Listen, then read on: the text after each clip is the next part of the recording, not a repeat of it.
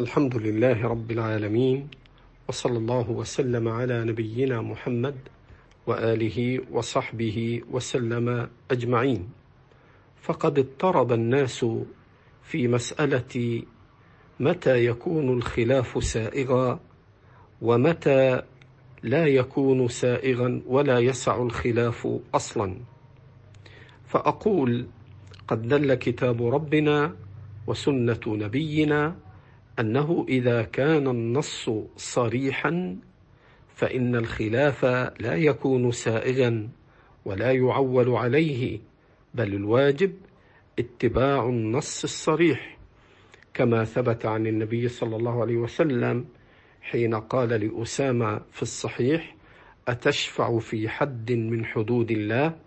واحمر وجهه صلى الله عليه وآله وسلم. إذ كان النص صريحا واضحا جليا ففي مثل هذا لا يلتفت للمخطئ في خطئه ولا يقال بأن خلافه معتبر. وأما إذا كان الدليل ليس بصريح كما قال صلى الله عليه وسلم في الصحيح من كان يؤمن بالله واليوم الآخر فلا يصلين العصر إلا في بني قريظة. فاختلف الصحابة فمنهم من صلى في الوقت ومنهم من أخر حتى أتى بني قريظة.